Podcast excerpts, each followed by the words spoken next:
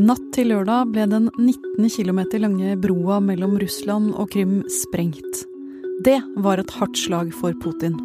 I sommer lovet nestlederen i det russiske sikkerhetsrådet at det ville bli dommedag hvis Krymbroen ble angrepet. Og i dag har Putin kalt inn sikkerhetsrådet sitt til møte. Så hva skjer nå? Dette er Kort forklart. Det er mandag 10. oktober.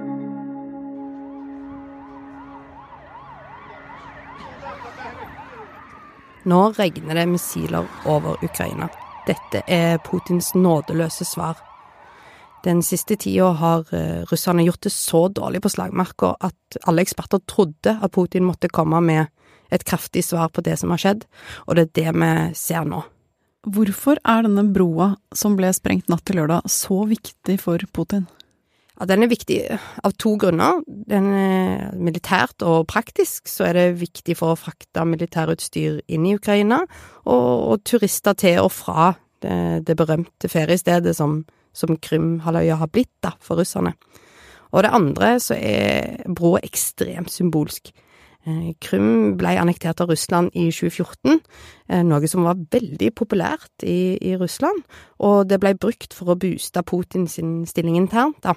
Og i 2018 så ble jo denne broa som knytter den annekterte halvøya til det russiske fastlandet, ble åpna med pomp og prakt og ble kalt århundrets byggverk av eh, russiske myndigheter.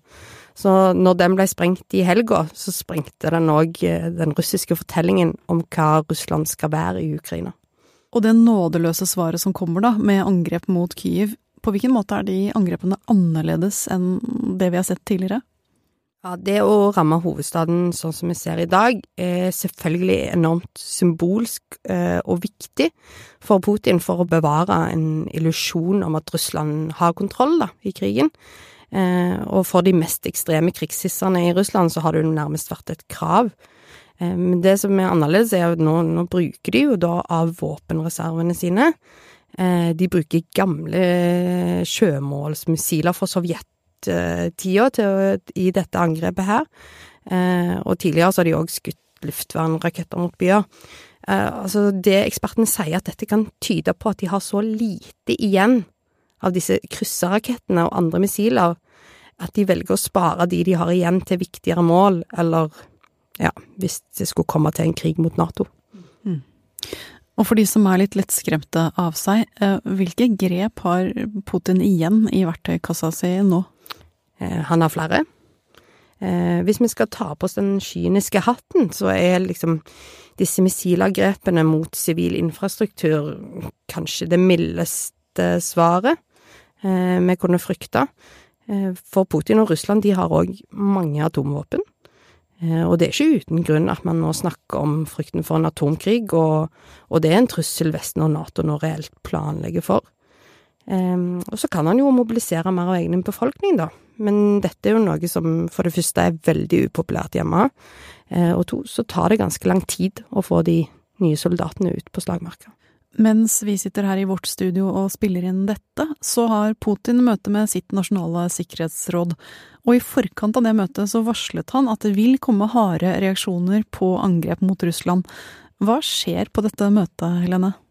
Ja, dette tror jeg eh, blir et møte Putin holder for å for det første å vise handlekraft for hjemmepublikummet. Det kommer til å bli dekka vegg til vegg eh, i russiske statlige medier.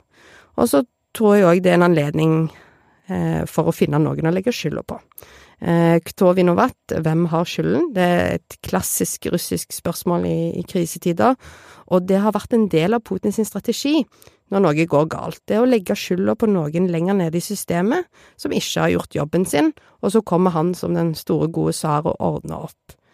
Um, I dag tror jeg det er mulig at noen i generalstaben må gå, men jeg har også sett spekulasjoner på at forsvarsministeren og sjefen for eh, Nasjonalgarden er ferdig.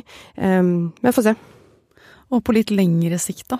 Hva, hva, kan bli, hva, kan bli, fortsettelsen på denne krigen nå? Ja, nå ser det jo ut som både Russland og Ukraina kriger som det ikke finnes noen morgendag. Eh, og det kan ha sammenheng med noe så normalt som været. Nå kommer høsten for fullt i Ukraina, og det vil bli fuktig og gjørmete og vanskelig å kjøre stridsvogner eh, over større områder. Det blir vanskeligere å krige. Dermed så kan det komme en periode eh, der det blir vanskelig å krige for fullt, eh, og da kan det òg hende at det roer seg litt ned. Men samtidig da som dette virker som det eskalerer inn i inn i himmelen, så er det jo òg eh, interessant at det nå igjen er snakk om samtaler. Eh, og da er det særlig den tyrkiske presidenten Erdogan som har satt i gang et initiativ for at, eh, at partene skal sette seg ned og snakke sammen. Foreløpig ser det ikke ut som det er noe de har veldig lyst til, men i disse dager må man jo klamre seg til de hårstrå av håp som finnes.